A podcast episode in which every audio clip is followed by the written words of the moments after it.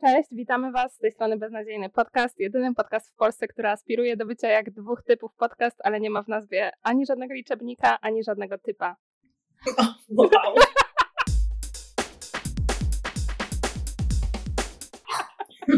Doskonałe, nie? Super. Jestem dumna z siebie. Długo pisałaś? Tak, dwa dni. Okej, no dobrze, to dzięki za to intro. No to dzisiaj mamy po raz pierwszy gościa w naszym studio. Cześć, Tak, to jest, to jest, gość. to jest gość, gość Basia. No i tyle. Nie mamy dzisiaj żadnego konkretnego tematu. Przejdziemy po prostu przez to, co się wydarzyło ostatnio może w naszych życiach i ewentualnie Basia y, dopowie nam swoje historie do tematów, które już przerobiłyśmy mniej więcej. Zobaczymy. Nie wiemy. Na luźno. Tak. Witamy Cię, Basiu. Cześć, jeszcze raz.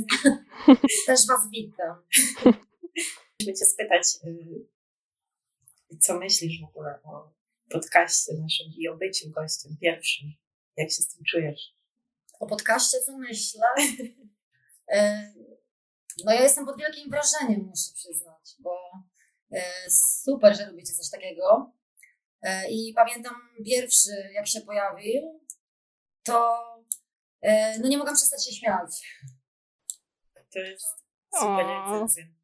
Mega miłe. No naprawdę. Ja pamiętam, że w pracy nie mogłam się oderwać, akurat miałam trochę luźniejszy dzień i no śmiałam się w głos. Co tam u Ciebie słychać, Basiu? Powiem ci, e, no zależy w jakim rejonie życia. Zawsze chyba tak jest. Co byś chciała, Ada, wiedzieć? Pytaj, to ja ci odpowiem. Mm, No słuchaj, na przykład, co Ci się beznadziejnego ostatnio przytrafiło, na przykład dzisiaj? O, dzisiaj było akurat dużo beznadziejnych rzeczy. Coś takiego beznadziejnie śmiesznego, żeby było, może nie beznadziejnie przykrego, żeby e, utrzymać. No to akurat dzisiaj beznadziejnie śmiesznych rzeczy nie było. E, Były bardzo nadziejne, nieprzyjemne. Więc chyba nie pasuje. No nie. Em, ale ja może napomknę o naszej dyskusji z zeszłego tygodnia, kiedy okazało się, że różnice pokoleniowe, no nie pokoleniowe, ale trochę pokoleniowe e, się wdarły i nie wiem, nie wiem od czego zacząć. Zacznę od tego, że wrzuciliśmy na wspólną grupę zaproszenie odnośnie wydarzenia, które Tak się ma odbyć tam w sierpniu, czy we wrześniu, czy kiedyś tam, impreza. No i zostało tam udostępnione zdjęcie miejsca, w którym potencjalnie by się ta impreza miała odbyć. No i kolega wysłał to zdjęcie tego miejsca i napisał, że ciekawe, czy tam będzie Wiksa. W domyśle, czy w tym miejscu będzie Wiksa.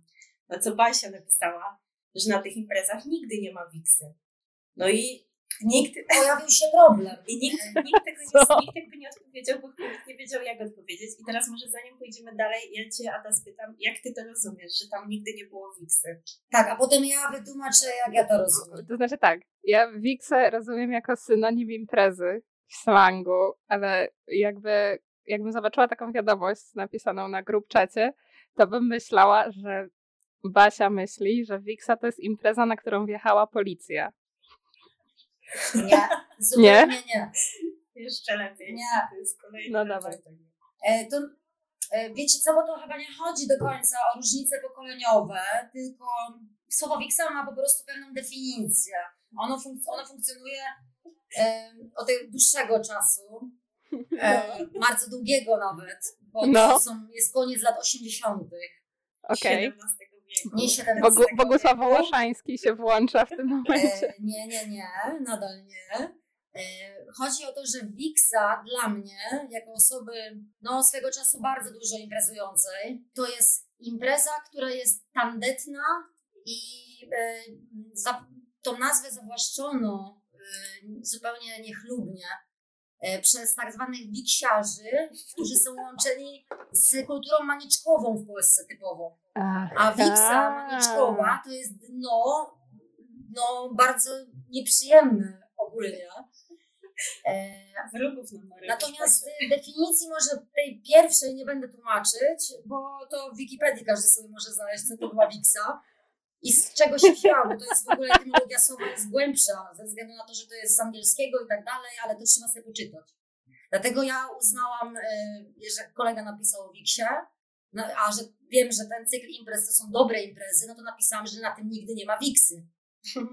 Natomiast to nie, nie chodzi Rozumiem. tylko o różnice pokoleniowe, ale też, też jakieś regionalizmy, bo y, w wielu miejscach też się różnie używa różnych słów, więc akurat wy no rzeczywiście jesteście trochę młodsi ode mnie, nie będziemy mówić ile, ale faktycznie jak widzę w, waszych y, jakby rówieśnikach, u waszych rówieśników, y, to faktycznie jest to synonim imprezy. Tak, to jest synonim imprezy dla Mhm. nas, no. Ale wiecie co, ja się bardzo dużo regionalizmów e, polskich nauczyłam, jak się wyprowadziłam za granicę, bo Polacy, których spotykam tutaj są, no, każdy jest skądś indziej i właściwie to niedużo ludzi spotkałam z tego samego rejonu, z którego ja jestem. E, I z tymi regionalizmami się, no, okazuje się, że jest ogólnie, jest dużo różnic w tym, jak ludzie mówią. To znaczy, to nie jest nic drastycznego, zawsze się daje domyśleć, nie, z kontekstu, ale śmiesznie jest. Na przykład nam dużo ludzi ze Śląska. O. Oni używają- W ogóle niemiecki wchodzi tutaj bardzo. No tak, tak, oni używają wyjątkowo dużo jakichś tam swoich e, regionalizmów. No ale jakby puenta tej historii, jak dla mnie jest taka, że potem, e, bo to nie wyszło od razu, tylko to wyszło parę dni później, jak siedzieliśmy sobie e, w Arturówku Na piwka, na piwkach wieczorem. tak jest. No i wróciła ta dyskusja, że właściwie o co chodziło. Basia wytłumaczyła o co chodziło i nie mogła przez pół godziny wyjść z podziwu, że jest taka różnica. I to jest najbardziej Tak, ale- część tej historii. Tak, faktycznie e, no, nastąpiło mocne nieporozumienie, a jest to tak jakby no, dość płytki temat, więc jeżeli tutaj wychodzi nieporozumienie, to warto czasami chyba wyjaśnić jakieś określenia. Odniosę się teraz do tego, co Adam mówił, bo rzeczywiście na wyjazdach zagranicznych też bywałam swego czasu bardzo często. E, Jeździłam na przykład do Irlandii do pracy wiele lat temu będąc na studiach. I faktycznie tam, będąc z ludźmi z różnych regionów Polski, nagle wychodziło, że mamy kompletnie inne pojęcie mm, definicji różnych słów. Teraz y, akurat śmieszna to jest historia, którą teraz przytoczę, bo mm, na jednym z wyjazdów do Irlandii właśnie były osoby z y, okolic Lublina i z Lublina. I na przykład y, w Lublinie na pantofle, dla mnie pantofle to są y, kapcie, w których chodzi się po domu. Natomiast w okolicach Lublina kapcie, w których chodzi się po domu, to są ciapy. A pantofle to jest określenie tylko i wyłącznie na buty męskie eleganckie. Nawet nie na damskie O. pantofle, gdzie ja się spotkałam w Łodzi, jak się mówi na e, eleganckie buty damskie pantofle. E, natomiast tutaj w ogóle, no, to w ogóle jakoś zupełnie od czapy z tymi ciapami. Ale w sumie Ciapy. ciapy nie słyszałam, ale słyszałam chyba ciapcie? No tak, ciapcie jest coś tam, mogłoby się Laczki. chodzić o laczki, laczki, laczki, to znowu Laczki. jest e, góra tam, e, Pomorze i trochę bliżej, to też tam mówią laczki. Ja to w Stójskiej Woli zawsze słyszałam. Może ktoś jest z tamtych okolic. Ale Stójska Wola, mimo tego, że jest bardzo blisko Łodzi, to się spotykałam z wieloma rzeczami, które brzmiały zupełnie inaczej, tak jakby faktycznie były, i to nie, że jedna osoba mówiła, tylko cały, cała Mhm. ta grupa znajomych mówiła, tak jakby właśnie mieli naleciałości z jakiegoś zupełnie innego regionu, bo właśnie były laczki, było, że e, mama mi nie kazała, czyli że nie Tak. pozwoliła, co jest dla mnie w ogóle tak niezrozumiałe za każdym razem, jak to słyszę, bo to nie ma żadnego sensu, że mama mi nie kazała. No właśnie. I chyba nawet było, ale może zmyślam, wydaje mi się, że było też, że idę na pole. Na, czyli na dwór. Tak. No to jest jest Krakowie z kolei, to jest typowo z Krakowa, ale to też czasami wynika z tego, że e, ludzie zjeżdżają się z różnych e, rejonów Polski, poznają się, tworzą rodziny i jakby w rodzinie Tak. zostaje to od rodziców. Od babci bardzo często. E, Miałam kiedyś chłopaka z Warszawy. E, Jego rodzice też byli, e, chyba mama była z Warszawy, a ojciec był też gdzieś w okolicach Puław bodajże. I na przykład tam się mówiło pościelałem łóżko pościelaj łóżko. I ja pamiętam, że strasznie mnie to zaskoczyło. Mówię, jak, jak wy mówicie, co to w ogóle ma być? Jakie pościelaj? To w domu się mówiło, że rozebrać łóżko i później się dowiedziałam, że nikt tak nie mówi w ogóle nigdzie. no, No nie mówi. Faktycznie nie mówi. u ciebie na chacie. Jak jeszcze mówili u ciebie? Wypierdalaj gówniarzu. Dom to nie hotel. Tak. Klasyk. No właśnie, w sumie to jest, to jest całkiem dobry temat. E, takie powiedzonka rodzicielskie. Dom to, to ja mogę mnożyć i mnożyć. no, dom to nie hotel, to chyba słyszał każdy, jestem pewna. Jeszcze to tylko nasrać na środku. Tak. I przyklepać. U mnie już było nasrać i przyklepać. E, ale mimo tego, że wtedy to mi się wydawało absurdalne, to jestem pewna, że jakbym miała dziecko teraz, to bym mówiła to samo No dokładnie. pewnie tak, no jednak to wszystko musi się przenikać. Schowaj się, bo na małpy polują. Nie O, rozumiałam tego tego nie nigdy. słyszałam chyba. O, Ada, ja się zamieniam w twoją terapię chyba. Ale nigdy nie kminiłam tego tekstu. Ja się dopytywałam mojej mamy, o chuj ci chodzi. Znaczy, no wiecie, bez Cytuję, tego chuj. o chuj ci chodzi. Mama, o chuj ci chodzi. Wypierdalaj, Po prostu wypierdalaj. wypierdalaj z mojego hotelu. To jest mój hotel, ja w nim sprzątam. Tak jest. No Tak i, było. no i oczywiście to, że y, jak ci się nudzi, to się rozbierz i pilnuj ubrań. A to No, było- klasyk. No tak, to było też. I jeszcze, jak pamiętam zawsze, jak czekałam z babcią na autobus na przystanku i pytałam 10 tysięcy razy, kiedy przyjedzie, to ona mówiła, policz 7 razy do 60 i przyjedzie. To mi mówili, jak przyjedzie, to będzie. O nie, Tak to jest takie zaklina, zaklinacz czasu. Jak będzie, to będzie i chuj. I wypierdalaj z domu. Tak jest. O. No, ale to wszystko, chyba nie pamiętam nic więcej. Ale jest jeszcze jedna ciekawostka, y, jeżeli chodzi o regionalizmy i posługiwanie się różnymi rzeczami w różnych rejonach Polski, różnymi terminami. Nie wiem, czy wiecie, dlaczego najwięcej infolinii skumulowanych jest w Łodzi obecnie. Bo No mamy dlaczego? najbardziej neutralny język. Tak, mamy najbardziej neutralny język. Nawet Warszawa nie ma tak neutralnego języka i mamy też akcentowanie dość takie zrozumiałe w całej Polsce. I nie mamy tych naleciałości z niemieckiego, z rosyjskiego i tak dalej, i tak dalej. Właśnie tutaj w Łodzi. Chociaż w Ciekawe. Łodzi bardzo dużo figuruje takich no, łódzkich typowo słów, gdzie też mnie ludzie z innych rejonów nie byli w stanie zrozumieć. No tak. to Co ja prawda. mówię, w ogóle o czym ja mówię. No tylko są to takie słowa, których raczej nie będziesz używać na infolinii. No nie, na infolinii krańcówki i migawki rzeczywiście no. Nie ma niebezpieczeństwa raczej. Ale to ciekawe w sumie. Tak. To miło. To tak jakoś lepiej się czuję z tym, że tu mieszkam. taki najbardziej polski język mamy. Nie wiem. No cieszę się, że pomogłam Dzięki. wątpliwości co do miejsca zamieszkania. Już nie muszę chodzić na terapię. Okej. wszystko się udało. Ale co do historii z Basią i ze mną, e, pamiętam takie dwie rzeczy. A może nadmienimy jeszcze coś, że znamy się tyle, że ja na przykład czasami malowałam Nataleczkę na jej studniówkę. Tak, O Boże, naprawdę. Naprawdę. Co, bardzo źle wyglądała? Dobrze. dobrze. Wow. Bardzo dobrze nawet. Ej, no to jesteś jedyną osobą, którą znam, która dobrze wyglądała na swojej własnej studniówce. No dobrze. No bo ja na przykład dobrze nie wyglądałam. No widzisz, Basia? Bo nikt dobrze nie wyglądał, tylko Natalia. Znajdę zdjęcie. Tak, więc to było takie małe wprowadzenie. Tak, a moja studniówka była, nie wiem, 7 lat temu. 7, 8, 7, 7. No między 6 a 7 może. Tak, 6-7. E, a to nie było tak, że się dopiero wtedy poznałyśmy, już się znałyśmy. No więc- znałyśmy się bardzo krótko, ale faktycznie tak, już się znałyśmy. Tak. No więc się trochę znamy. E, I mam takie dwie ulubione historie z Basią. Wow, nie wiem nawet czego się spodziewać. Dzisiaj mi się przypomniały takie sztosy. Jedno Wow. to było, nie wiem, co jest lepsze w sumie. Ja to dwa. Było, tak, ale nie wiem, z czego zacząć. E, Pierwsze to jest, e, jak Basia e, przez, znaczy w sumie oba się wydarzyły w Niemczech. jak Basia mieszkała przez jakiś czas w Niemczech i ja tam byłam i siedzieliśmy sobie i graliśmy chyba w jakiś tam, nie wiem, no coś siedzieliśmy, piliśmy, nieważne. Gadaliśmy i Basia powiedziała, że ma spodnie, A, to tak, tak wiem o co chodzi. że ma spodnie, których już tam nie nosi, czy nie, nie wiem, coś takiego, których nie nosi i może mi oddać. Mówię, spoko, no tak jak mówię, wtedy ważyłam sporo mniej, więc mówię, może się zmieszczę. No wtedy byłaś bardzo chuda. No, ale niewystarczająco najwyraźniej. I wzięłam te spodnie, żeby je przymierzyć, po czym jak je wciągnęłam na dubsko, to się podarły w kroku. I na dupie.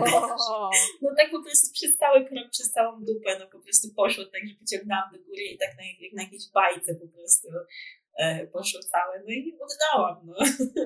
o wow. bo się nie nadały już do niczego niestety. E, także to jest to. A druga rzecz to też właśnie w Niemczech, jak, jak, no, jak sprzątaliśmy Tak, te- byliśmy w pracy. tak, pracowaliśmy i ja się zajmowałam, znaczy, nie wiem, czy można tak powiedzieć w sumie. Weszłam do łazienki, w której była świeżo umyta podłoga e, takim, jak to na Niemcy przystało, bardzo mocnym płynem. Żrącym. Tak, żrącym różowym płynem. I ja postanowiłam pojechać wtedy w Japonkach. I weszłam do tej łazienki na tą mokrą podłogę kafelkową w tych klapeczkach. No i zaczęłam tracić kontrolę nad swoim ciałem i się wyjebałam, tak po prostu gruchnęłam na ziemię. Tak, i no i wpadłam w panikę, że wpadłam w ten żyrący płyn, że nie dość, że pewnie sobie złamałam rękę czy coś, to, że zaraz mi wyżre skórę ten płyn. E, No ja byłam wtedy w innym pomieszczeniu, dodam na marginesie, chociaż niedaleko. Tak, niedaleko i moja reakcja obronna to było, żeby zawołać Basię w następujący sposób. Basia, Basia, przewróciłam się. O Boże, Tak co? było, tak było.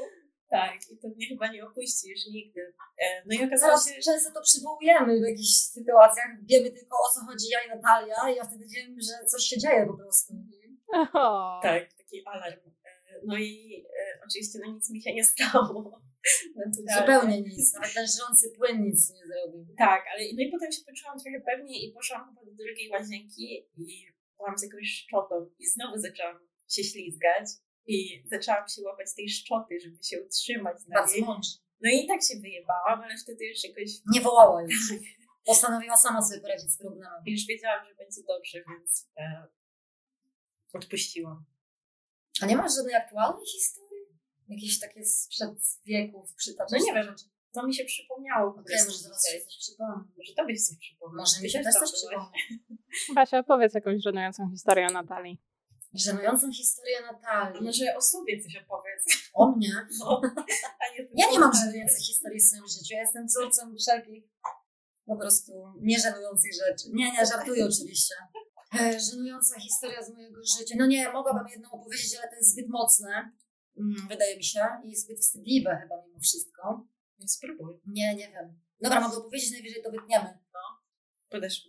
Ja jestem osobą, która raczej lubi wiedzieć pewne rzeczy, a to było naprawdę żenujące, słuchajcie. Okej, stało? Poszłam mm, e, do lekarza, zwanego ginekologiem. Po raz pierwszy wtedy zostałam skierowana na USG brzucha. No i weszłam do tego gabinetu sobie po prostu zajebiście zadowolona. Wbijam tam do gabinetu, widzę zajebistego typa, który jest lekarzem, który robi to USG. Gadka, szmatka, uśmieszki, wszystko super. No to proszę się położyć. No ja tam super ekstra, już się kładę. No i się tak położyłam i leżę. I w ogóle zero reakcji. Po prostu leżę w ubraniu, jak debil, na tej leżance. A on patrzy na mnie. Ja sobie myślę, o patrzy na mnie, spoko. Mówię, zajebiście, no patrzy, to patrzy. Ja też się patrzę na niego. Patrzenie to wiadomik, to jest znak. Proszę się rozebrać. Ja mówię, no dobra, no to tam podwinęłam bluzkę, no USG brzucha, to USG brzucha, no. Podwijam tą koszulkę do góry. I on patrzy nadal na mnie i już widzę, że jego, jego wzrok jest, kurczę, no mocno niepewny. Taki już, już tak próbuje jakby wniknąć tym spojrzeniem głębiej. Więc ja w ogóle nie wiem o co, w ogóle nie wiem o co chodzi, kompletnie. Patrzę się na niego i czekam na jego jakiś, no nie wiem, że bierze tą głowicę, już zaczyna przystępować do badania i mówi, proszę pani, to jest pani pierwsza USG brzucha? Ja mówię, tak, tak. A on mówi, ale to trzeba się rozebrać, zdjąć majtki. A ja mówię, o kurwa. Serio? Dorosła osoba idzie na USG brzucha, kładzie się w ubraniu, cieszy się jak debil, że typ się na nią patrzy. Typ jest jeszcze względnie przystojny, nawet ponad przeciętną trochę. I nagle taki żenujący, po prostu zimny prysznic. Proszę zdjąć majtki, bo USG będzie Dowcipny. dowcipne, ewentualnie to się nazywa endowaginalne. A ja, a, okej. O mój Boże, ej nie, no ale to jest nie fair, że ci nie powiedział. Każdy może mieć kiedyś w życiu pierwsze swoje Ale wiesz, USG. no, on może zrozumiał, że no, nie jestem czternastolatką ani szesnastolatką już wtedy, więc chyba powinnam kumać takie rzeczy. Tak mi się wydaje, nie wiem. Ale mogło to pójść jeszcze gorzej, bo w momencie, jak ci powiedział, że proszę się rozebrać, to mogłaś rzucić jakimś tekstem, że no panie doktorze, to może później. Może po pracy, o której pan kończy. Już zupełnie, zupełny koniec po prostu wszystkiego. Ale to jest bardzo dobra historia. Tak, historia jest bardzo dobra, tylko zastanawiam się, czy na pewno wszyscy chcą tego słuchać. To jest Ja myślę, świetna że tak. historia i właśnie o takich rzeczach chcemy opowiadać. Czyli Tak. żen- żenujących w chuj. No i mamy Tak. tutaj jakby też e, morał, że edukacja seksualna jest potrzebna. A nie, to to jest w ogóle bezsprzeczna historia. To, to w ogóle nie ma o czym dyskutować. I właśnie tak lubimy najbardziej, jak możemy z naszych porażek wyciągnąć jakieś wnioski, więc... No to cieszę się, że pomogłam, naprawdę. Żebyś się poczuła lepiej, Basiu, to ja mogę swoją historię opowiedzieć z ginekologiem. Jest też bardzo zabawna. Poszłam kiedyś e, do gabinetu, jak byłam bardzo młoda, potrzebowałam konsultacji. Miałam no bardzo mało lat generalnie, jak na wizytę u ginekologa. Ale To mało była to chyba znaczy moja ile? druga w życiu, nie wiem, wizytę u 16. Okej. Poszłam do tego gabinetu tej pani i ogólnie to było jeszcze wieczorem, to był prywatny gabinet. Ja tam wchodzę i ona tam siedzi za tym biurkiem i to jest taka starowinka, która generalnie wygląda gdyby nie była człowiekiem, to byłaby cebulą. Miała taki kształt. I Jest taka, Cebulandia. jest taka cała biała, jest taka obsypana takim śniegiem starości. Po prostu jakby siedziała tam zawsze. No i ona tam siedzi i spogląda na mnie, generalnie rusza tylko gałkami ocznymi. A ja, no wiecie, zdenerwowana, no y, mówię, to była druga chyba moja w życiu wizyta u ginekologa ogólnie. Nie wiedziałam, co tam się będzie działo. Strasznie się bałam. Pojęcia nie miałam, jak to się skończy, czy ja stamtąd wyjdę żywa. No i siedzi ta babulinka. No i ja siadam na krzesełku, no i ona robi ze mną wywiad. I generalnie jest taka, no mega oschła, nie? W zadawaniu tych różnych dziwnych pytań typu, czy byłaś kiedyś w ciąży, tak, i tak dalej. To są No takie tak. no, dosyć intymne kwestie. Ona to po prostu jakby się pytała, wiesz, co jadłam na śniadanie, no i ja tak tylko to napięcie narasta. No i w końcu nadchodzi ten moment, którego się tak obawiałam. Już miałam nadzieję, że on nie nadejdzie, ale jednak ona mówi, dobrze, proszę się rozebrać i usiąść. No i ja mówię, akurat wiedziałam, że trzeba zdjąć dolną część garderoby. Sukces. No i poszłam. W ogóle, że w gabinetach ginekologicznych są rozbieralnie. To jest taki, to jest trochę dziwne. To trochę pomaga, ale to jest jednocześnie też trochę dziwne, no bo się tam rozbierasz i musisz wyjść z gołą dupą stamtąd. Tak jest. Więc w sumie co za różnica, czy Ale wiesz, czy się rozbierasz przy kimś, czy nie, jest skoro... czasami. Ale czasem masz takie sukienki. O, to ja nigdy nie Takie doświadczyłam czegoś takiego. O nie. Tak, czasem są, ale tam nie było. One nic nie Tam nie było- Tam ogólnie nie było No, nic. z fizeliny takie. Mhm. No, fa- one są fajne. E, ale właśnie nie było takiej. No i ja się rozebrałam. Ogólnie już cała czerwona ze stresu, bo no też chodziło o moją kwestię zdrowotną, więc też to było jakby wszystko na wierzchu tego, czy będzie ze mną wszystko ok, czy nie. No i siadam na ten fotel. No i siedzę taka rozkreczona, wiecie, jak to na fotelu ginekologicznym położyłam nogi tam, gdzie one powinny być, dupę tam, gdzie ona powinna być. No i ona sobie dalej siedzi przy tym biurku. A ja zwrócona wiadomą częścią ciała do jej twarzy. Siedzę tam. No dobra, no to siedzę, nie? Okej. No i później zdjęłam te nogi, nie? Ona tak na mnie patrzy, no niech pani usiądzie. No dobra, nie? Okej. No i w końcu skończyła wypełniać tam te papiery. Podchodzi do mnie i wiecie, zakłada rękawiczki. W ogóle jeszcze ciemna noc i tylko światło świetlówek. Tam to zaznaczyć, że tak to wyglądało. Zakłada te rękawiczki powoli, nie spiesząc się. Najpierw jedną, potem drugą. Ten kurz starości tak trochę z niej opada na podłogę. I później, tak jak do tej pory poruszała się powoli i zupełnie tak jakby nieznacznie przez przestrzeń, tak jak zaczęła mnie dotykać w moje okolice intymne, to zaczęła się ruszać strasznie gwałtownie i nagle nabrała jakiejś nadludzkiej siły. Generalnie Miałam wrażenie, że niemal chce mi zrobić krzywdę i wyraziłam to werbalnie czymś w stylu jakiegoś O ona tak patrzy na mnie i mówi no luźniutko, luźniutko proszę, To jest klasycznie tak z ginekologów. Luźniutko, proszę. Tak, jak już luźniutko. mają rękę w tobie po łokieć. Tak, to mówią luźniutko, no spokojnie, wszystko spoko. Proszę się pani- rozluźnić, Tak, wszystko proszę jest się okej. bo utrudnia pani badanie. No, to, to mniej więcej tak wyglądało. No i no, zbadała mnie, zrobiła co tam musiała, ale no później miałam w swoim życiu jeszcze wiele różnych badań ginekologicznych i żadne nie było tak niedelikatne O. jak to.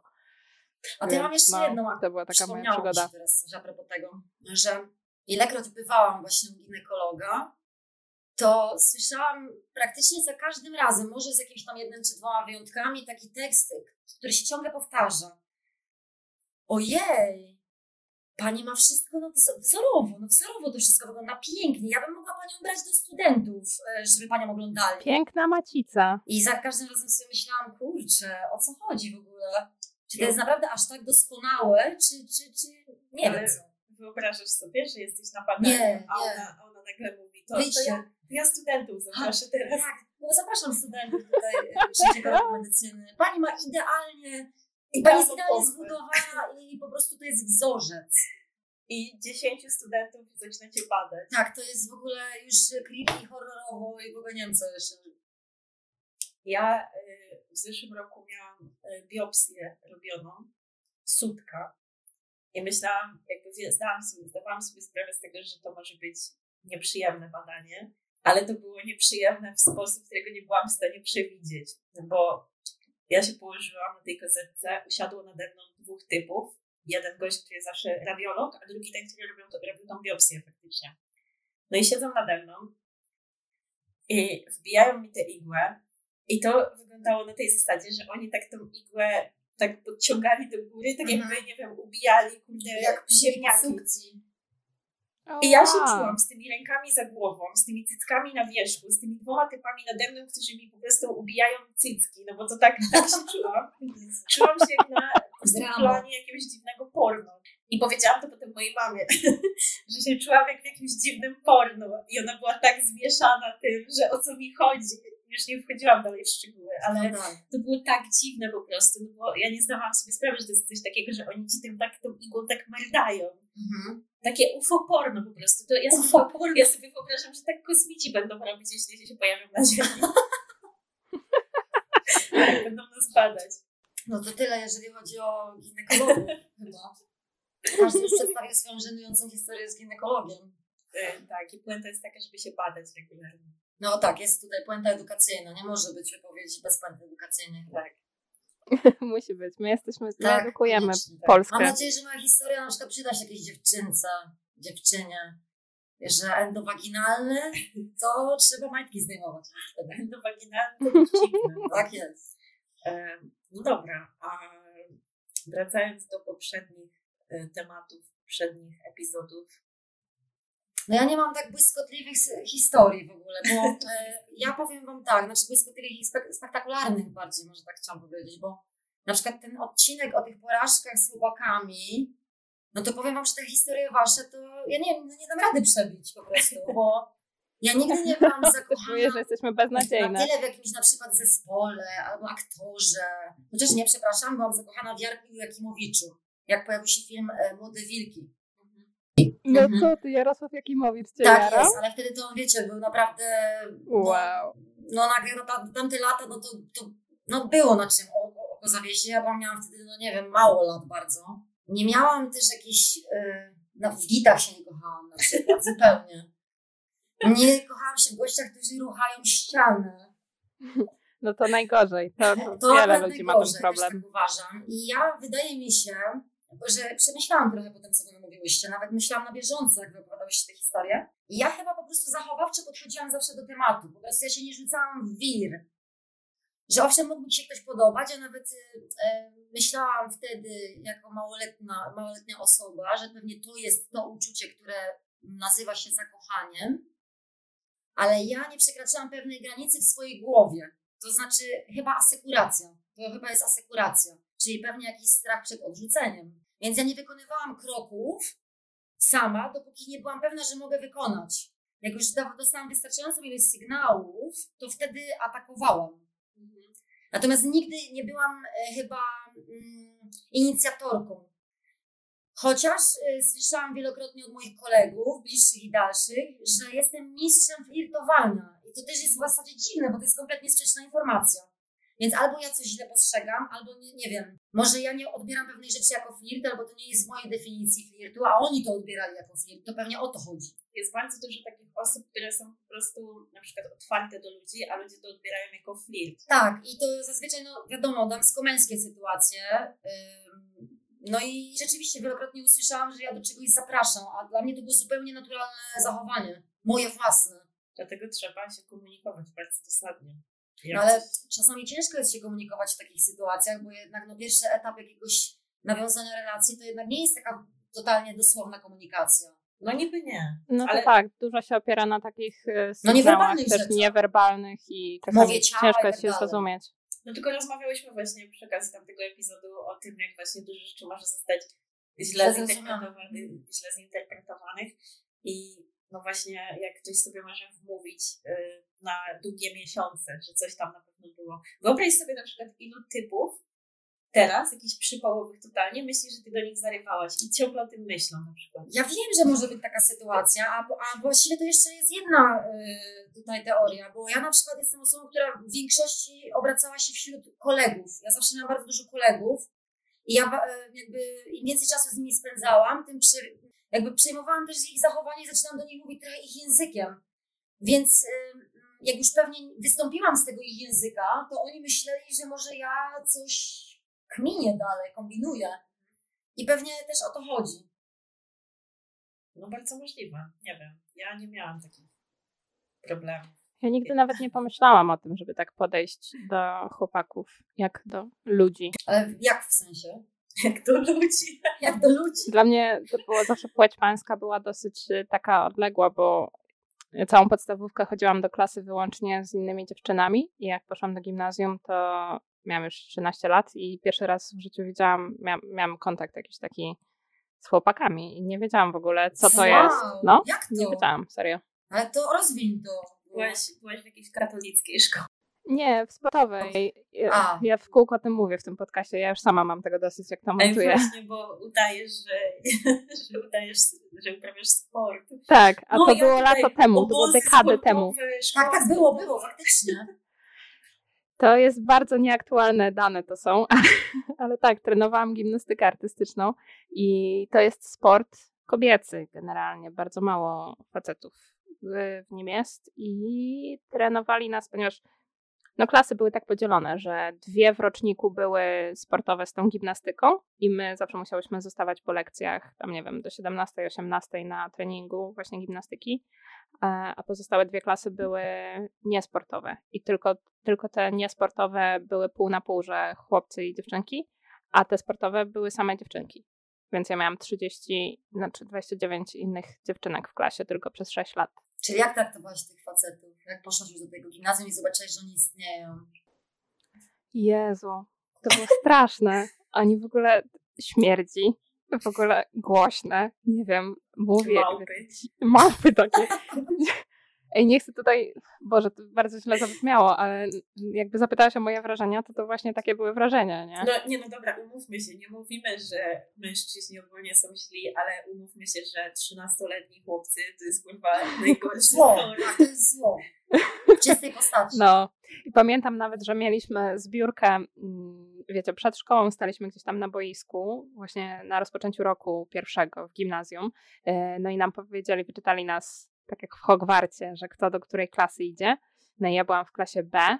No i e, później nas e, każda wychowawczyni zapro- zaprowadziła do swojej klasy, nie? do swojej sali. No i właśnie szliśmy już e, tam całą klasą i obok mnie był taki Patryk. I ja właśnie on takie jakieś dziwne miny do mnie robił, czy coś. I mnie to wkurwiło. I czy na, a może teraz to domyślam? Nie wiem. W każdym razie czułam wielką potrzebę, żeby mu jebnąć. I, I to była autentycznie, to była pierwsza godzina mojego bycia w gimnazjum. I ja kolesiowi dałam z łokcia w bok, nie? Bo chciałam, żeby się odpierdolił ode mnie, bo ja tak nie wiedziałam, co zrobić w ogóle z, z płcią męską. No i on mi oddał i zaczęliśmy się w ogóle przepychać w drodze do sali. Jeszcze się nie znaliśmy. A później w ostatnim, e, w ostatnim roku gimnazjum się całowaliśmy. No, domyślałam się, że Musiało się to skończyć. trzeba jakoś, Natomiast napięcie się wyładowuje albo całowaniem, albo daniem komuś w ryj. No Tak. umówmy się, no. Natomiast to jest też ciekawe zagadnienie, bo ja na przykład chodząc do podstawówki mm, miałam pół na pół. E, Pół chłopców, mniej więcej pół dziewczyn. Nigdy nie było przewagi jakiejś płci. To samo było w liceum, co jest dość niespotykane z tego co wiem, bo jednak liceum ogólno- ogólnokształcące jakby było kiedyś przynajmniej bardziej dla dziewczyn. Tak, Dzie- bardzo zawsze dziewczyn, no. dziewczyn. Jakby tak sobie przypominam te historie, bo pomijam jakby etapy w życiu dzieci. Zawsze jest taki etap, gdzie dziewczyny z chłopcami się nienawidzą i to jest podstawówka właśnie. To jakby wynika ewidentnie z psychologii i z biologii. I mam takich dwie czy trzy takie historie y, właśnie z podstawówki i y, a propos tego, jak właśnie chłopcy są wtedy strasznie okropni. No dawaj. E, Pierwsza historia jest taka, że mm, ja, ja jestem osobą taką dość, e, no nie daję sobie dmuchać w kaszę. Ja jestem, zawsze taka byłam, od dziecka, że jeżeli ktoś mi będzie, nie wiem, dokuczał albo, nie wiem, deptał po mnie, próbował, nie wiem, zrobić mi krzywdę, to ja nie stoję w kącie i nie czekam, aż mi zajebie, tylko albo jak mi już zajebie, to ja trzy razy bardziej mu zajebie, generalnie. No i pierwsza historia jest taka, że będąc w jakiejś trzeciej klasie podstawówki, wtedy była w ogóle taka moda, że dziewczynki nosiły opaski na włosy. A ona zwróciła chyba nie, dość niedawno z powrotem. A Natalia coś o tym wie. Ja pamiętam, że miałam tych opasek kilka em, i nosiłam je bardzo chętnie, więc codziennie gdzieś tam była inna ta opaska i miałam takiego no, totalnego skurwysynka w, nie wiem, dwie klasy wyżej.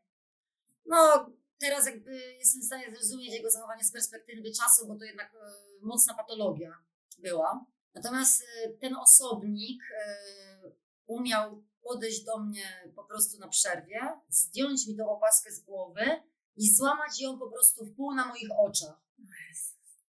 A ja nie reaguję od samego początku. To, to musi być tak, że ktoś musi przebrać miarkę, więc w sensie, dobra, chuj, złamał mi tą jedną opaskę, pierdolę, tak? Ale to jest, ta sytuacja niestety się powtarzała i tak za czwartą opaską, e, no już było grubo.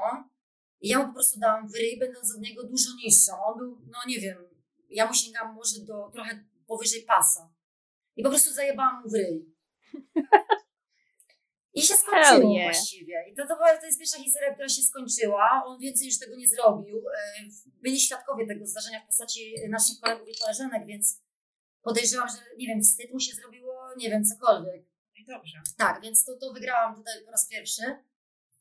Potem była taka historia, że miałam kolejnego takiego, nie wiem, adoratora, chuj jak to nazwać, no bo właściwie to faceci wtedy, w tamtym czasie w podstawówce czasami tak się zalecają w taki dziwny sposób. I on mieszkał też niedaleko mnie, w jakimś tam trzecim bloku ode mnie i jak ja się bawiłam na podwórku z koleżankami, na przykład grałyśmy w piłkę przez trzepak, jakąś siatkówkę, to on umiał na przykład nam tą piłkę zabierać, wykopywać ją gdzieś tam z buta na drzewa, ona gdzieś tam zawisała. Któregoś razu e, mi e, zabrał buta z nogi, nasypał do niego piachu i przywiązał go do trzepaka za sznurówki. O ja. No i sobie tak grabił, grabił, bo u mnie to trzeba tak, no trzeba popracować trochę. Ja jestem cierpliwa do pewnego momentu i ja mam zawsze taki, takie podejście, że ja się zemszczę, ale ta zemsta będzie tak dramatyczna, że naprawdę no już e, no zaboli. I wyczekałam moment. Wyczekałam taki moment, kiedy mieliśmy długą przerwę na korytarzu. E, długa przerwa wiązała się z chodzeniem i bieganiem wtedy po, po korytarzach szkoły. I wyczekałam, kiedy no, było najpełniej po prostu na tym korytarzu, jak, można było, jak mogło być. I ja mu po prostu zdjęłam majtki przy wszystkich. O nie. Niestety dla mnie y, był jakiś dyżur nauczycielski wtedy i to ja zostałam wezwana do dyrektorki za moje chujowe zachowanie w stosunku do kolegi. No cóż, I no. ja dostałam ciężki opierdol za to, co zrobiłam, że jak to tak można, no kolegę zdjąć majtki, obnażyć, tutaj on się teraz będzie wstydził i tak dalej, więc ja wytłumaczyłam, dlaczego to zrobiłam, do niej nie docierało to za bardzo. To, No. jest, to jest ten problem. Po pierwsze, chujowe zachowanie. Bardzo, bardzo dobry pan. Ale y, to jest ten problem. Po pierwsze, to co powiedziałeś, że takie zaczepianie przez chłopaków od zawsze się uczy dziewczynki, że to są zaloty, końskie zaloty, co jest kurwa Tak, to jest... niebezpieczne i toksyczne, bo to uczy od początku, że to jest spoko. A ty masz być bierna Tak, żeby i typ oczekiwać, że to jest super. tak, że po prostu to jest spoko, że, tak. że typ cię nie szanuje, a ty po prostu, no tak, To facet. zaleca się. Ojej, no to super. Tak, no i drugi Także problem brak właśnie- szacunku to jest okazywanie uczuć. Tak, Zajebista tak, konotacja no, ogólnie. Jak łobuz kocha najmocniej, nie? Tak. to, jest- to to. No i Raz druga, przynajmniej w tygodniu musi przypierdolić, bo ja cię nie kocham. I e, druga rzecz właśnie taka, że, że ty się jakby, no dobra, pomijam to, czy, czy twoja zemsta była adekwatna, no bo też to jakby koniec końców nie jest spoko, ale należałoby się, ale no wiadomo, to, to jest e, ekstremalne, ale że od razu było, że twoja wina i koniec. Nikt nie zastanawiał się na przykład, Tak. co on zrobił, bo to, co on zrobił, to jest normalne. Zresztą zwłaszcza, że on pracował przez dłuższy czas na to, co ja zrobiłam. No. No. mówię, to nie było za pierwszym razem, że on mi zabiera piłkę, a ja mu nagle majtki zdejmuje. Wiesz, ja, ja naprawdę przeżyłam tych historii kilka, nawet już nie pamiętam e, tego jego zachowania w pełni, ale on naprawdę był skurwysynem, no, ciężkim skurwysynem. I uważam, że mu się 100% należało i jestem z tego dumna, co zrobiłam tak właściwie teraz, już po latach nawet, x lat. Dobrze. Tak, Może się nauczył. No. Może się nauczył. No i trzecia historia, kiedy nosiłam jakieś korale na szyi. Była taka moda kiedyś u mnie w podstawówce, się nosiło korale. Zazwyczaj były to korale robione jeszcze własnoręcznie przez siebie, więc już w ogóle. Wow. I miałam takiego kolegę, yy, który też pochodził z patologicznej rodziny, mm, ale był bardzo taki, przez to właśnie też prawdopodobnie. Generalnie był taki niby cichy, nie podskakujący za bardzo, ale tylko do silniejszych od siebie. Jak miał słabszych, to już można było kulej dusza piekła nie ma. No i on mi któregoś razu te korale zerwał, a to już też nie był pierwszy jego wybryk. Zerwał mi je z szyi. Ja pamiętam, że ogarnęła mnie taka wściekłość już na niego, że po prostu stanęłam, zajebałam mu w ryj raz, poprawiłam drugi, on się popłakał przy wszystkich dzieciach z, z, z naszej klasy i też zakończył się proceder cały, zakończył się po prostu. Już więcej nie fiknął. Ale wtedy nie było nauczycielki, więc nie miałam konsekwencji żadnych tam. Zajebiście. Tak trzeba robić. Tak trzeba żyć. sobie. Ogólnie trzeba jak bić ludzi kogoś- po ryju. Jak kogoś napierdalacie, to tak, żeby nie było nauczycielki. Tylko tak, ja nadal podkreślę, że mówię, to trzeba było sobie naprawdę no, nagrabić przez jakiś czas, że to nie było tak, że ktoś raz mi coś zrobił, a od razu przechodziłam do rękoczynów albo zdejmowałam komuś majtki. No nie, zupełnie nie. To w sumie mam do tego do, tej- do tej pory tak mam. Warto wspomnieć, że no tak jak my się wychowywałyśmy na Starym Polesie, to Basia się wychowywała na... Więc też jakby nie ma Zajebiście. Tak, ja nie miałam też lekko. Y, mieszkałam niby w blokach, czyli w jakimś cywilizowanym wtedy miejscu, bo wtedy tak ludzie myśleli o blokach, o blokowiskach, że to są cywilizowani. Mi się nie wydaje jakiejś patologii. Powiedziały się dantejskie sceny. Wtedy się działy, teraz się dzieją. Podejrzewam, chociaż strasznie nie lubię już tego osiedla i strasznie nie lubię tam jeździć, odkąd się stamtąd wyprowadziłam. Na przykład no właśnie te bloki. No ja mieszkałam w bloku czteropiętrowym, gdzie miałam trzy meliny na parterze. Pomijam e, ciągłe rozgrywki między widzem a LKS-em, gdzie pod moim oknem palono na drzewie szaliki LKS-u.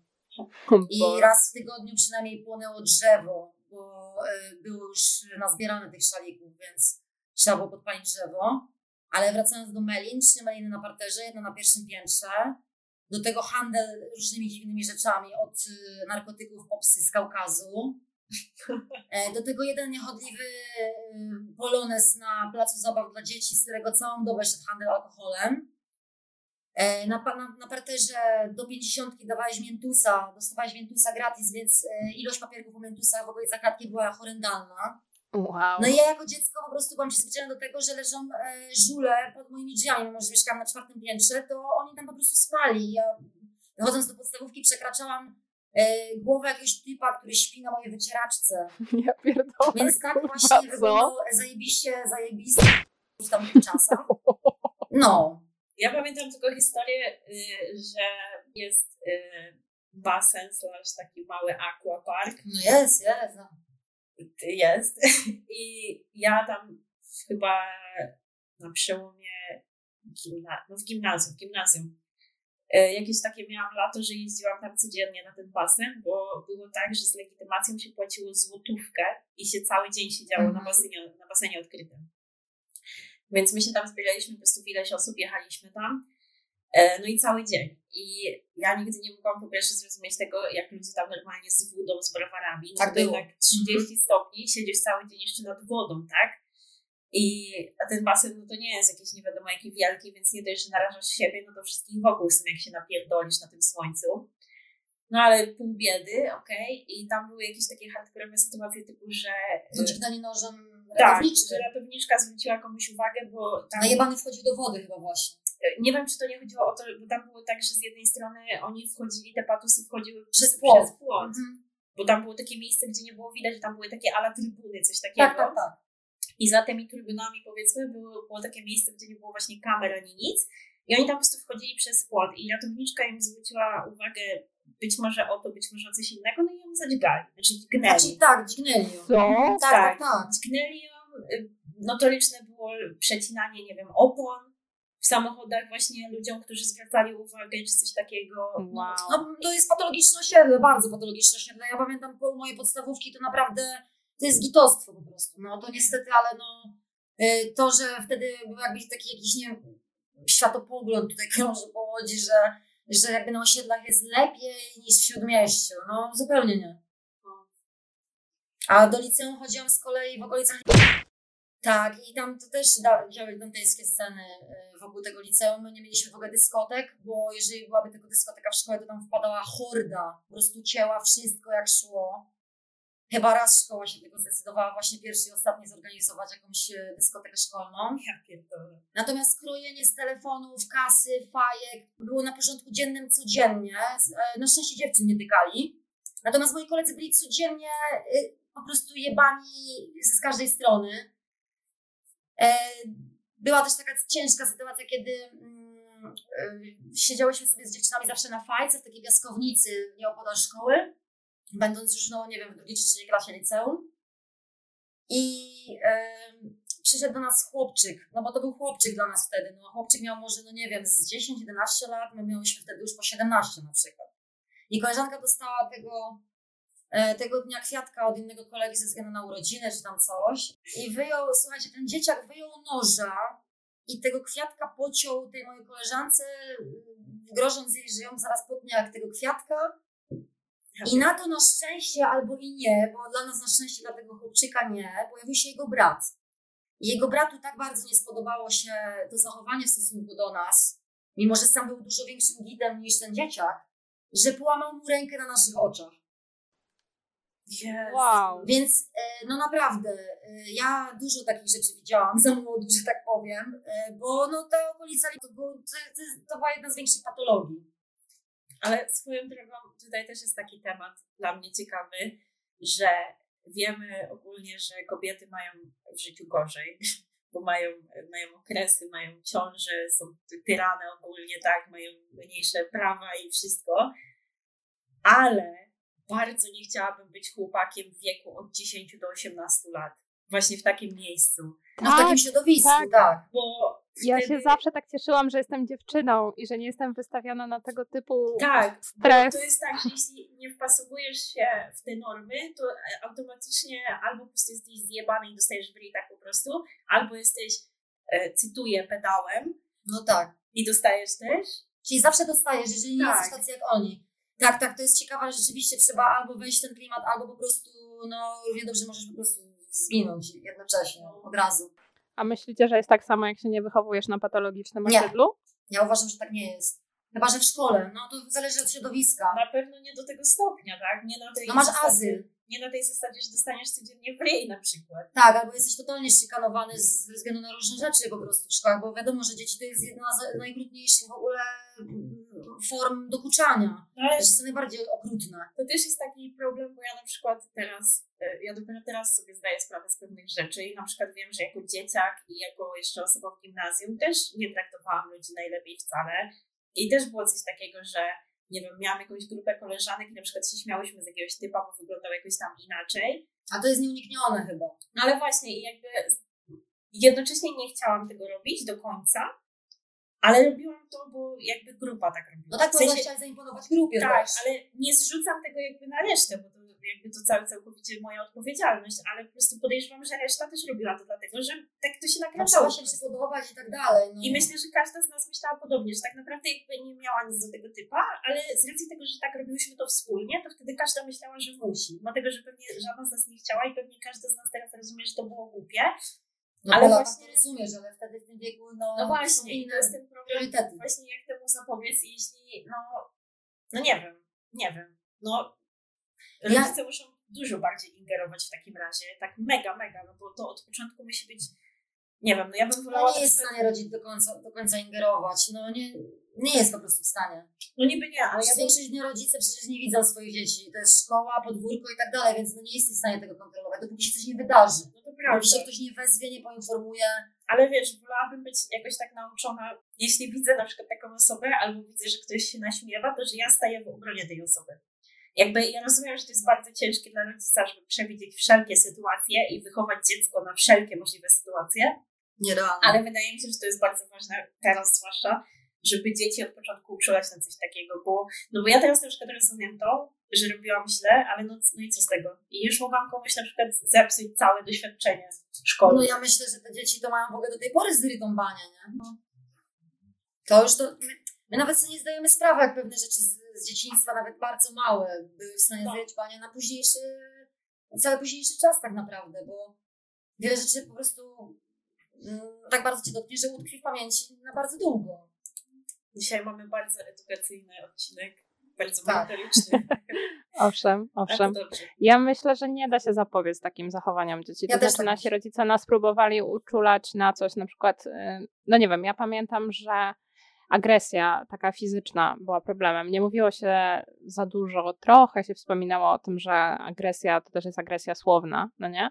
Że można kogoś dyskryminować, y, że można być seksistą. Wydaje mi się, że nasi rodzice też na pewno się starali nas uczulać na pewne rzeczy. I ja myślę, że taką rzeczą, na którą starali się nas uczulać, to była, przynajmniej mnie, y, agresja taka fizyczna, bo to był problem wtedy, a nie za dużo się mówiło o tym, że można też być agresywnym słownie wobec kogoś i że mm, no po prostu nie należy być chujem, jakby nie za bardzo chyba mi zwracali uwagę ale na to wiesz- wtedy. Chociaż może, a No nie, nie nie pamiętam, nie wiem. To też były czasy, kiedy się mówiło, że y, klapsy są spoko, tak? Więc Tak, tak. I to było jak Roman Giertych był ministrem edukacji i ogólnie różne dziwne problemy wtedy się były. skupiali ludzie na tej przemocy. Ja nie mówię, że nasi rodzice zrobili coś źle, no bo jakby no wiadomo, ewoluujemy wszyscy społecznie też i po prostu chodzi mi o to, że teraz rodzice powinni być bardziej świadomi tego, co właśnie jak bardzo takie psychiczne prześladowanie. No zwłaszcza, że Tyle. edukacja obecnie y, jest zupełnie inna niż edukacja naszych rodziców, więc oni mogli po prostu być nieporadni ze względu na brak wiedzy z, chociażby. Jakieś podstawowej, teraz- psychologicznej, no. Teraz wiadomo, co się dzieje, jakby jest internet, te sprawy są głośne i i no nie wiem, no tylko znowu, no ja nie mam pojęcia, jakby to zrobić, bo ja sobie nie wyobrażam wychować dziecka i, i przewidzieć wszystkie takie sytuacje i w ogóle Nie no, nie przewidzisz, to w ogóle musisz pożegnać. jak to, nie wiem, nie wiem. Dla mnie wychowywanie dziecka to jest w ogóle jakaś abstrakcja, że musisz je tak zaprogramować, żeby było miłe. Ale wiecie co, nie, bo jeszcze na przykład y, ważna rzecz mi się teraz nasunęła, że jak sobie analizuję teraz to, jak mnie edukowano i jak robili to moi rodzice, to ja dochodzę do wniosku, że oni mnie przestrzegali przed jakimiś e, złymi rzeczami, wywołując u mnie strach przed tymi rzeczami, czyli przestrzegali mnie, żebym czegoś nie robiła, bo tylko, tylko tak, żeby wywołać we mnie strach. Oni mi nie tłumaczyli, jakie są e, podwaliny, jakie są motywacje, jakie są skutki i przyczyny tylko wywołując u mnie strach, y, powodowali jakby jednocześnie, że ja się wystrzegałam pewnych sytuacji. A to nie tak powinno być, Nie. bo to tak nie działa kompletnie. No ale to była podstawa wychowania i to jest też, nie dość, że to jest duży problem, bo właśnie no, w ten sposób się nie załatwia spraw, to jeszcze wszystkie jakieś takie przesądy, czy Tak, jakieś tak. takie moral, moralne obowiązki, wszystko to jest właśnie napędzane Tak, strachem. plus do tego doszła jeszcze babcia z jakimiś tam rzeczami ze wsi i w ogóle nie wiadomo czym jeszcze. Mhm. E, natomiast ja jak sobie tak myślę, bo ja lubię analizować takie rzeczy z, z dzieciństwa, ogólnie rzecz biorąc, lubię rozkminiać takie rzeczy. I się mocno zastanawiać nad tym, co ja bym zrobiła w danej sytuacji, albo jakie mam na ten temat opinie, e, to ja wy, wydaje mi się, że gdybym była kiedykolwiek rodzicem, to bym zrobiła wszystko zupełnie inaczej niż moi rodzice zrobili w stosunku do mnie. Wszystko byłoby inaczej. Po prostu kompletnie inaczej. Jakby analizując swoje zachowania e, po tym, jak od nich pobieram jakąś wiedzę. To jest y, chyba dążenie wielu ludzi, tak mi się wydaje, że jak zostają sami rodzicami, to sobie obiecują, że właśnie nie będą takim rodzicem. Powielać błędów. No. I, tak, tylko że to prowadzi do takiego ślepego zaułka, Wtedy gdzie... się powiela i znaczy wtedy się znajduje inne błędy. Tak, gdzie masz z swoje własne, no. Mhm. No personalnie, bo bardzo, bardzo to traktujesz, tak. Witajcie w naszym podcaście o rodzicielstwie, tak, gdzie nikt nie jest rodzicem. I nikt nie jest psychologiem. Basia Ja jest. jestem. A przepraszam, Basiu. Ja jestem psychologiem klinicznym. Ada, to jest tak naprawdę niespodzianka. Wszystkiego najlepszego, to jest twoja darmowa sesja. Ja, dzięki. Nie, nie, nie, nie, słuchajcie, tak to nie, tak to nie jest. Ja skończyłam psychologię x lat temu i praktycznie nie pracowałam w tym zawodzie, więc ja się w ogóle nie czuję psychologiem. Ale jesteś. No jestem, papier jest. To się liczy. Wiele moich koleżanek mnie y, zawsze strofowało za to i mówiło, że bardzo źle zrobiłam, e, że nie, nie poszłam, bo się nadawałam ponoć, ale w moim mniemaniu się nie bardzo nadawałam. A czy uważasz, że psycholog to jest taki zawód, w którym trzeba mieć e, dużą odporność psychiczną? O, bardzo, bardzo dużą odporność psychiczną. Przede wszystkim trzeba umieć nie przenosić rzeczy z pracy do domu, a w tej, jakby w tym momencie i w tym zawodzie to jest no bardzo ciężkie do zrobienia. Ja ciężko jest mi sobie wyobrazić to właśnie, jakby aż taki stopień nieprzynoszenia problemów do domu. No jedyne, jakby... co mogę na przykład na ten temat powiedzieć bardziej z doświadczenia, to jest taka dość traumatyczna historia, którą mm, zahaczyłam będąc na studiach. E, zawsze na studiach, mm, nie wiem, może nie, nie są praktyki. I mm, praktyki u mnie polegały na tym, że y, każdy musiał sobie jakąś placówkę wybrać, ze względu na to, że ja byłam na y, specjalizacji klinicznej, no to zazwyczaj w tej sytuacji musi być też szpital. E, więc ja sobie wybrałam wtedy z koleżanką, byliśmy bardzo ambitne jeszcze, bo to był chyba czwarty rok. E, I wybrałyśmy sobie e, jeden z gorszych szpitali w Łodzi. Może nie będę tutaj mówić co i kto i jak i w ogóle. No może jest nie. to zupełnie istotne i wybrałyśmy sobie oddział młodzieżowy. Mm. I poszłyśmy tam takie zadowolone, pamiętam, takie pełne energii, takie pełne w ogóle y, jakichś tam ambicji w ogóle. Y, te praktyki trwały miesiąc. No, te praktyki nie są jakieś szczególnie y, edukujące, bo jednak jest to tak drażliwa, drażliwa sprawa i drażliwe tematy, że lekarze, którzy tam pracują, psychologowie, jakby i tak studentów nie dopuszczają do pewnych rzeczy. Więc tak naprawdę jesteś trochę jak obserwator, trochę cię dopuszczam, ale nie do końca. E, pamiętam, że mieliśmy taki moment, kiedy byliśmy dopuszczone do kontaktu z tymi e, pacjentami. Pacjenci byli, e, to były, od, no to były dzieci generalnie, bo do 18 roku życia się na młodzieżówce. I pamiętam, że my byliśmy takie chętne, żeby z tymi, z tymi ludźmi tam rozmawiać jak najwięcej i tak dalej. Ciężkie jest to, że rozmawiasz z ludźmi to kompletnie ostrzelonymi. No po prostu totalnie, jest to totalnie inna bajka. Bardzo często jest to, no niestety bardzo śmieszne, bo oni mówią szereg takich rzeczy, że ciężko jest się po prostu czasami powstrzymać od śmiechu. Natomiast wiesz, że nie możesz tego robić. Mm, I jedną z takich historii, która była dla mnie no, nie do przejścia praktycznie wtedy, to była historia dziewczyny, z którą my rozmawiałyśmy dzień wcześniej, przed dniem, gdzie się wydarzyła bardzo nieprzyjemna historia. E, dziewczyna miała chyba 16 lat, e, bardzo była uzdolniona plastycznie, bardzo ciekawa ogólnie rzecz biorąc. I jednego dnia my z nią rozmawiałyśmy i było bardzo spoko, a następnego dnia przyjechałyśmy o ósmej jak codziennie na te praktyki. E, coś już się działo, my wiedziałyśmy, że, że coś jest nie tak, bo tam było jakieś zebranie. Potem jak się dowiedziałyśmy, no to był, jest taki kryptonim, że ktoś podjął próbę S to znaczy, że podjął próbę samobójczą. E, dziewczyna podjęła próbę samobójczą udaną i niestety następnego dnia już nie żyła. Tak, a e, generalnie filozofia tamtego e, miejsca jest taka, że oni im zabierają wszystko. Od telefonów przez e, sznurówkę, kabel, wymontować. Naprawdę osoby, które chcą popełnić samobójstwo na oddziałach psychiatrycznych są w stanie wymontować blaszkę z łóżka, tylko po to, żeby podciąć sobie żyły. I tam były szeregi takich historii, natomiast no, ja pamiętam, że wtedy po raz pierwszy stwierdziłam, że no chyba nie dam rady. Ona się powiesiła na kablu od radia, na róże w kiblu. E, no i niestety nie, no nie odratowali, to znaczy nie odratowali, ale potem jak ją przewieziono do szpitala, to okazało się, że w ogóle nic z tego nie będzie, tak? A czy na studiach uczyli Was o tym, jak, e, jakie są sposoby, żeby z takimi rzeczami sobie radzić?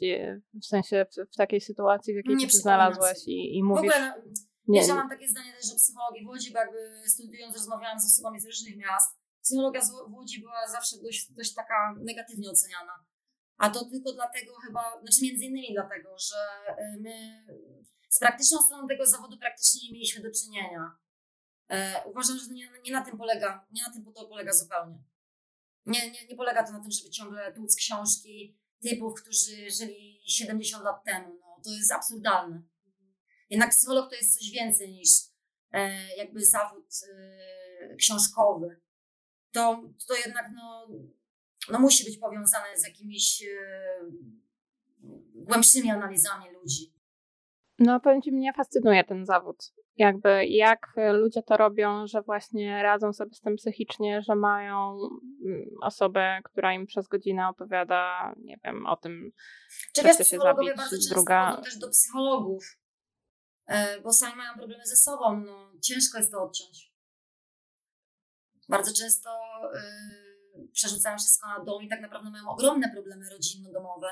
To Wydaje mi się, że tak musi być, bo tego się nie da rozdzielić. Wow. Wow. Ciężej już nie mogą być w sobie. E, Możemy zakończyć ten temat.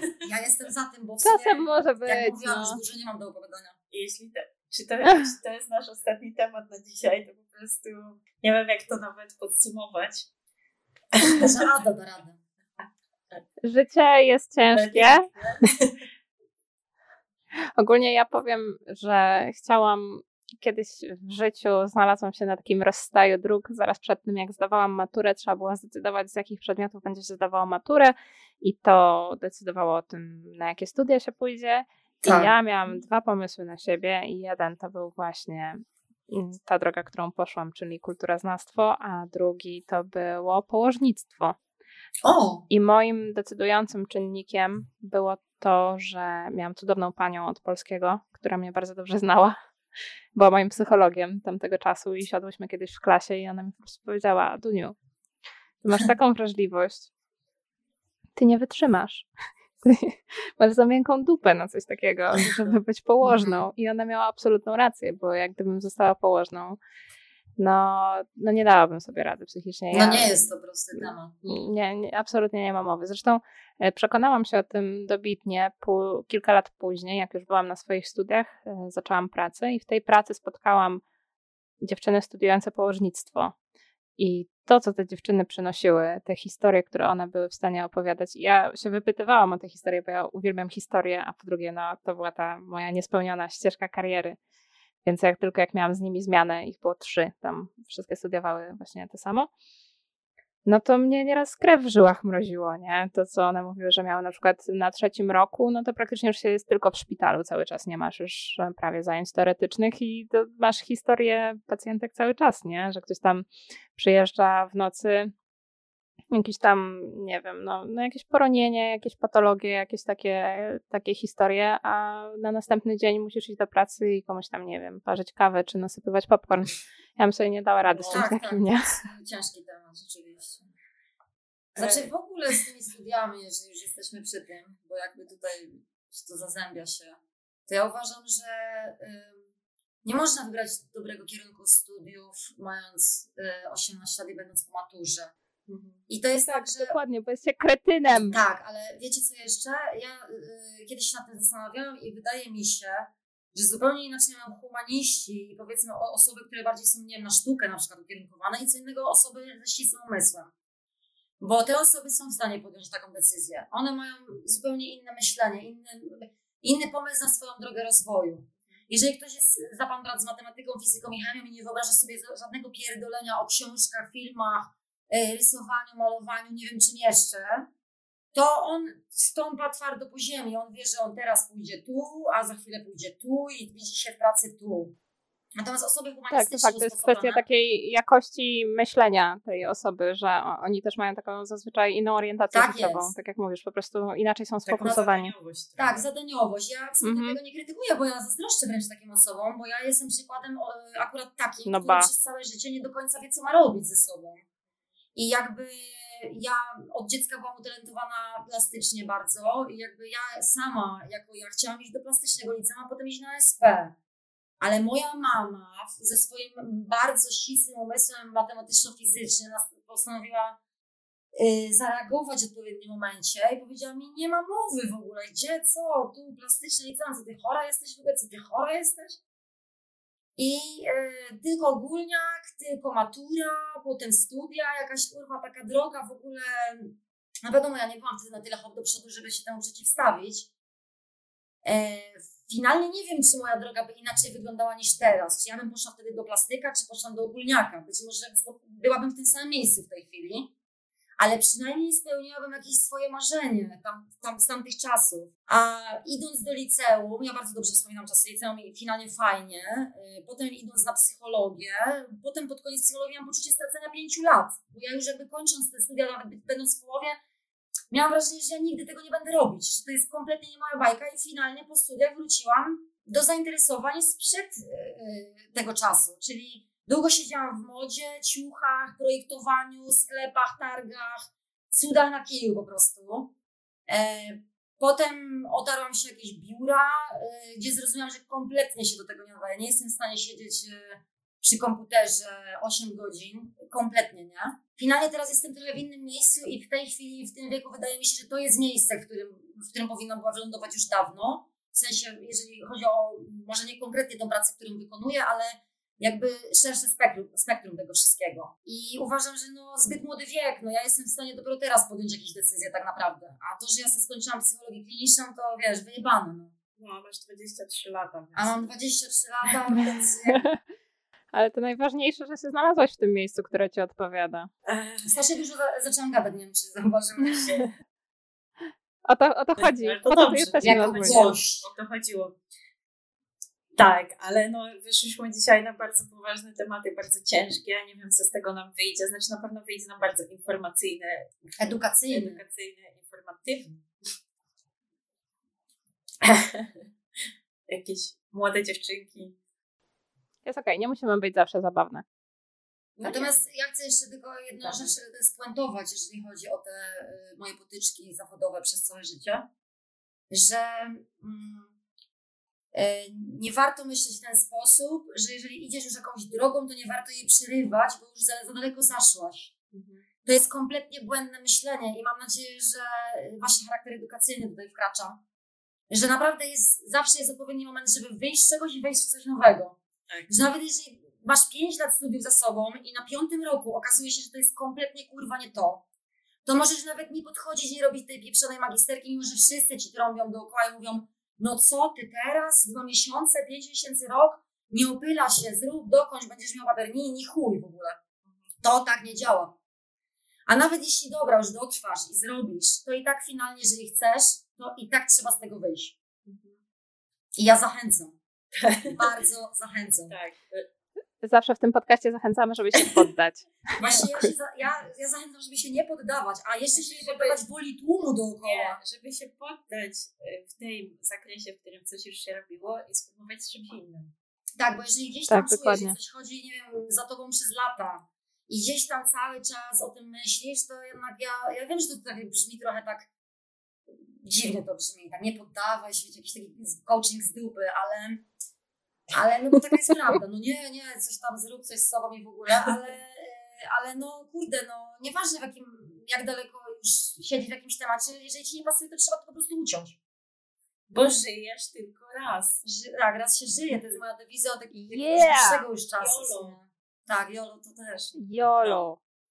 No to, to, to Musi być dobrze, musi być dobrze. Tak, A nie ma, mamie, cioci, babci, kurwa i wszystkim dookoła. dokładnie. To samo się tyczy brania ślubu i robienia dzieci. Tak, tak, no a to już to jest chyba kolejny podcast. Tak. To już jest tak szeroki temat, słuchajcie. Ale jeżeli byście chciały mnie kiedyś jeszcze zaprosić, to ja chętnie, bo jednak spodobało mi się chyba. Dobrze.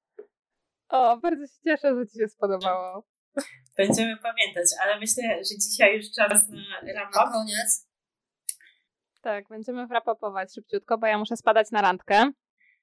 No przykro mi trochę, że już koniec. No widzisz, szybko leci. No bardzo. E, no dobrze, no to w takim razie e, mamy nadzieję, że wyciągnęliście jakieś lekcje faktycznie z tego. Jak nie, to że przynajmniej dobrze się słuchało. E, dziękujemy bardzo Basi, że zgodziła się być naszym, naszą gościnią. Dziękujemy Ci, Basiu, za bycie naszą ja gościnią i podzielenie się. I bardzo jestem e, zadowolona z tego. To dobrze, Cieszymy dobrze. się. Także widzicie, nie gryziemy. Ogólnie Nie, jesteśmy, nie jesteśmy niemiłe. Tak, póki jeszcze nie jesteśmy sławne, to można się zgłaszać na to, żeby być naszym gościem. Już Bo później to już tylko za hajs. jakiegoś męskiego gościa, czy nie przewidujecie? kiedyś na pewno. Znaczy, razie może. to jest tylko w- damskim gronie się to odbywa. Nasz Po podcast prostu- jest taki metafeministyczny, ale może kiedyś dopuścimy faceta do Po głosu. prostu ty teraz byłaś chętna. Dużo osób się boi. Jakby zachęcam do tego, żeby się nie bać. Ja też, ja też zachęcam, słuchajcie. Zachęcamy, To jest, zapraszamy. Zwykła, to jest zwykła rozmowa. To jest naprawdę. zwykła rozmowa, tak. To jest, y, no czasami możesz po prostu wyłuszczyć trochę bardziej z siebie. Ale jest też y, e, element terapeutyczny tak, tego tak. wszystkiego. I o to chodzi. Wydaje mi się, że I bardzo. to mamy potwierdzenie od psychologa w tym momencie, także Tak, sorry, możecie ale... eksperta zobaczyć. Słuchajcie, jestem ekspertem. E, I teraz e, poprosimy o wypowiedź naszego eksperta. Ej, to jest, to jest dobre. totalnie, Dobra. totalnie. E, chciałabym powiedzieć, że nawet y, nie miałyśmy czasu przeczytać dzisiaj maila, komentarzy. O nie, a Naprawdę przecież jest mamy fan mail. Mamy O nie, Najmocniej przepraszamy i przeczytamy za tydzień, bo dzisiaj mamy. będzie tak, cały tak. duży dział fan mail w przyszłym odcinku. O ile do, dojdą jeszcze jakieś. Ale tak, przeczytamy wszystko za tydzień. Dzisiaj wyjątkowy odcinek, bo z gościem, a w przyszłym tygodniu. Aha, nie, dobra. Następny odcinek będzie też wyjątkowy w sumie. Ale Wszystkie nie, będą Nie powiemy dlaczego. A Nie. nie, Następny-. Nie, dobra, w sumie powiem. Następny odcinek będzie wyjątkowy, dlatego że będziemy go nagrywać w jednym miejscu. A, okej, faktycznie. Jeden, jedyny raz. Ej, słuchajcie, jest taka możliwość, że ja będę w tym samym miejscu wtedy. Nie wiem, czy... nie. Nie? Nie, Nie, jak wrócimy Aha, z Mazur. okej. Ale okej. dobra, ale spoko. Dobra. Także Ada, my się pewnie niebawem zobaczymy nawet. Tak, Tak. nie mogę się doczekać już. No w sumie też nie. na pewno. No dobra, no to w takim razie. em, Dziękujemy bardzo za uwagę. Tak. Dziękujemy bardzo. I słyszymy się za tydzień. Za tydzień.